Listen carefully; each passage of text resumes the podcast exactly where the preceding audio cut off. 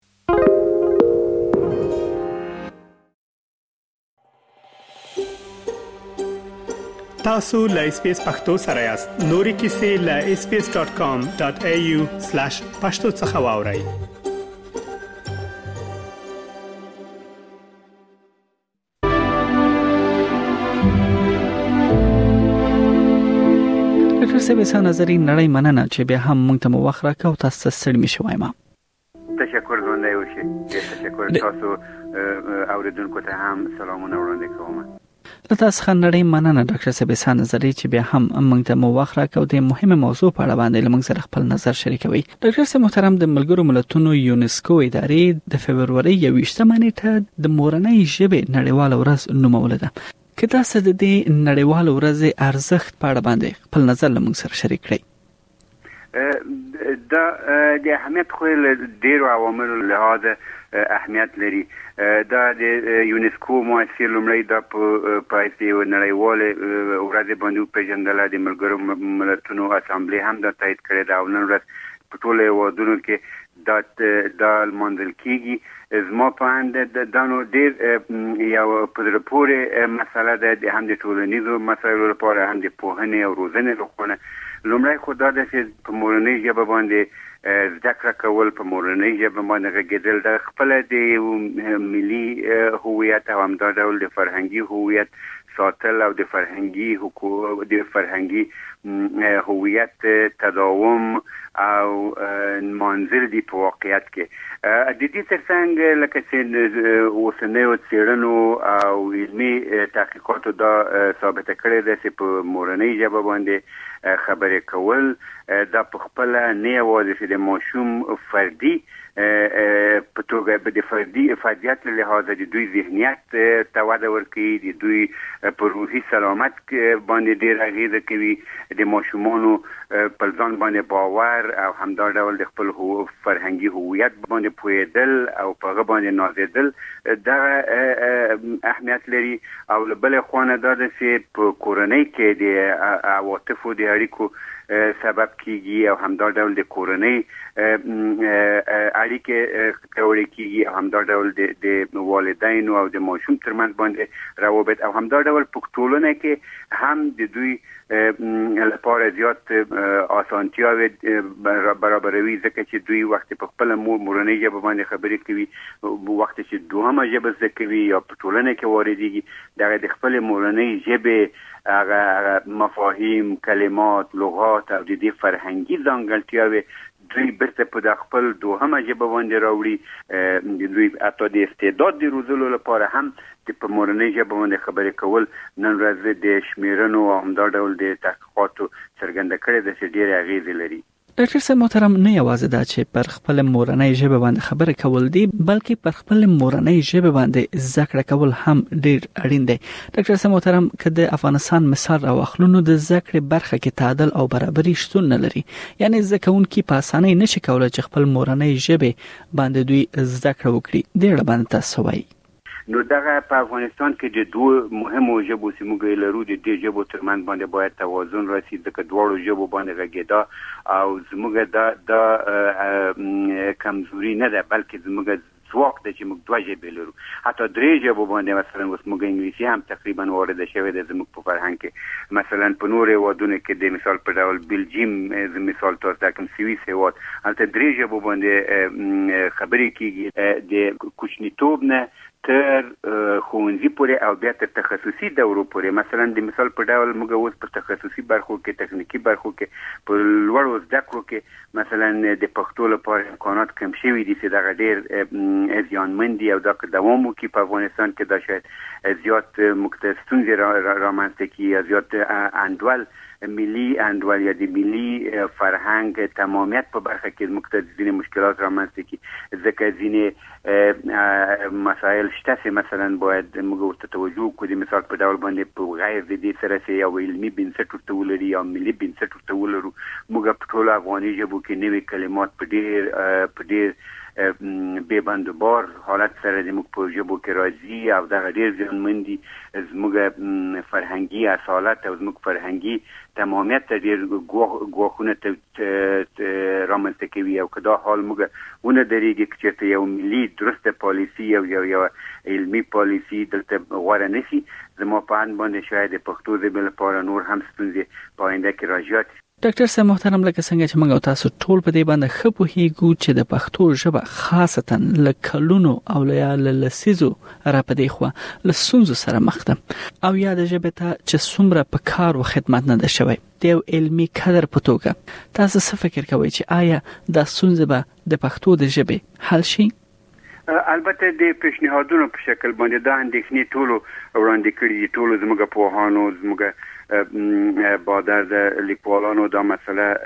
جدي نیولې ده چې په مورنۍ ژبه باندې زده کړه کول د هر انسان حق دی لکه اوس په نړیواله سطح باندې کچه باندې دا پیژندل شوې ده حتی په لویدیزو هیوادونو کې اوس په امریکا کې کانادا کې په استرالیا کې حتی په جرمني کې ما ولیدل په فرانسه کې مې ولیدل چې هلته دا توجه کیږي چې حتی هغه په هر څوک چې په هغه حتی په یو اقلیت کوچنی کمیونټي کې هم که دوی ژوند کوي نو خپل ژبه ته باید دوی وده ورکړي او هغه هغه ژبه چې دوی د مور په غېږ کې زده کړې ده هغه ژبه له یاده ونه باسي زیاتره اکثریت وګړي اوس په دې باندې اندېښنې لري چې مثلا پښتو ژبه چې یو ډیر لوی پوتنسیل لري حتی زه کولای شم چې په مسولیت سره دا خبره وکم چې پښتو ژبه حتی کېدای شي چې د ټولو اروپایي ژبو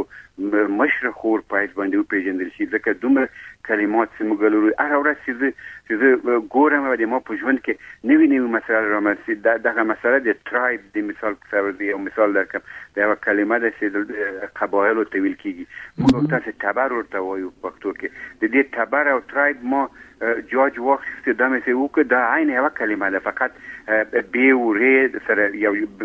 به به شوی ده نو په دې اساس باندې پښتو ته به زیات پوتانسیال لري زیات د ودې لپاره دومره پوتانسیال لري چې هیڅ ژبه هیڅ ختیځه ژبه یې نه لري حتی دا د اروپایانو لپاره مهمه ده خو له بده مرغه دا د جنګ شرایط خو تل همیشه خپل منفي پایلې لري ځکه چې جنگي شرایط موجود دي زموږ د هیواد په فوق العاده شرایطو کې ده د چې د تفاهم په اساس د ملي پالیسي پر لحاظ باندې پالیسي ګان نشته مثلا د د فرهنګي زموږ فرهنګي دروازې وازې دي چې هر څوک کولای شي راسي خارجيان بهرنيان او ځینې کورني برخې هم د سکټریستي برخوردونه په د ژبو په مسلې کې کوي د پښتو پښتو ژبې پوتنسیل باید موږ په نظر کې ونیسو ځکه چې د دې ژبې زیات بندیز زیات ستونزې او ګواښونه که له منځه لاړ نه شي دا لوی ناورین زموږ په هېواد کې فرهنګي ناورین رامنځته کوي زموږ د خلکو ترمنځ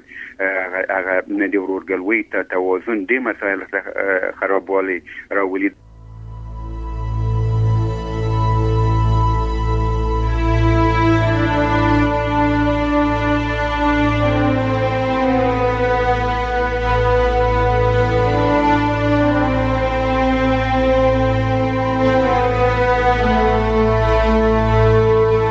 کې راشو دلته استرالیا ته نو په استرالیا کې څومره د مهمه ده ډاکټر صاحب چې یو څوک خپل مورنۍ ژبه او کلچر ژوندۍ وساتي او د دې ژوندۍ ساتلو لپاره څه په کار دي چې دوی باید یعنی وکړي او ترسو دغه مورنۍ ژبه او یا هم خپل کلچر ژوندۍ وساتي او دا څومره مهمه ده مننه دا مسله هم ډیره مهمه ده لنیکه مرغه موږ په دې هیواد کې ژوند کوو چې دلته څو ملیتی هیواد ده او دا هیواد تعدد د ژبو او تعدد د فرهنګونو زیاتوالی د فرهنګونو دا زیان او کمزوري نه ګڼي بلکې قوت یې بولي بلکې ځواک یې بولي نو دغه زموږ لپاره یو ښه پایله کولای شي ولري او زموږ لپاره د تشویق زمينه هم برابروي لدیره تر زیاته حد پورې د دې لپاره چې موږ خپل د خپل ژبو افغاني کلتور او فرهنګ په استرالیا کې حفظ کو د دې لپاره زموږ د مشرانو ډېر کار ډېر د پام وړ دی دوی باید زیاته توجه وکړي ځکه چې زموږ مشران مثلا د کمیونټۍ مشران په دې حصه کې د دوی مسولیت زیات دی او همدا ډول حتی د استعداد د روزلو لپاره نن ورځ دا د علمي څېړنو دا ثابته کړې ده چې که چېرته یو ماشوم خپله ژبه باندې خبرې کوي او دغه خپل ملي هویت دی ولري وخت چې دی دوهمه ژبه زده کوي د دې استعداد هم ورسره رشد کوي حتی ویل کېږي څوک چې په یوه ژبه باندې خبرې کوي یوازې شل په سلو کې شل د د دماغ مثلا د ماغزه په کار راځي که چېرته دوه ژبې زده کوي دغه شمېره نوره هم زیاتیږي نو زما په اند باندې په استرالیا کې نیکه مخه موږ ته امکانات موجود دي ولیکن د دې امکانات تر څنګ ځینې ګواښونه هم موجود دي چې مثلا ځینې پلرونه مثلا ځینې د کورنۍ مشر مشران غړي له ماشومان سره په خپل مورنۍ ژبه خبرې نه کوي چې دغه ډېر یو لوی تشه ده او حتی ما داسې واورېدل چې په کاناډا کې خپل دولت تشویق کوي د پلار مور او هم د مشر ورونه چې تاسو خپل ماشومان سره په خپل ژبه وغږیږي ځکه دا هغه د ماشوم روحیه زیاتې د دې استعداد زیاتې د دې فکری سلامت د دې ذهن پراخوي او کچېرته دوی هغه خپل د ذهن سلامت وساتل سي په دې صورت کې د هغه د اکثریت ژبه چې په هېواد کې ده، د اکثریت فرهنګ ته هم دوی ښه خدمت کولی شي او هم هغې ته وده ورکولی شي. که غواړئ دغسې نورې کیسې هم واورئ نو د اپل پوډکاسټ، ګوګل پوډکاسټ یا هم د خپلې خوښې پر پوډکاسټ یې واورئ.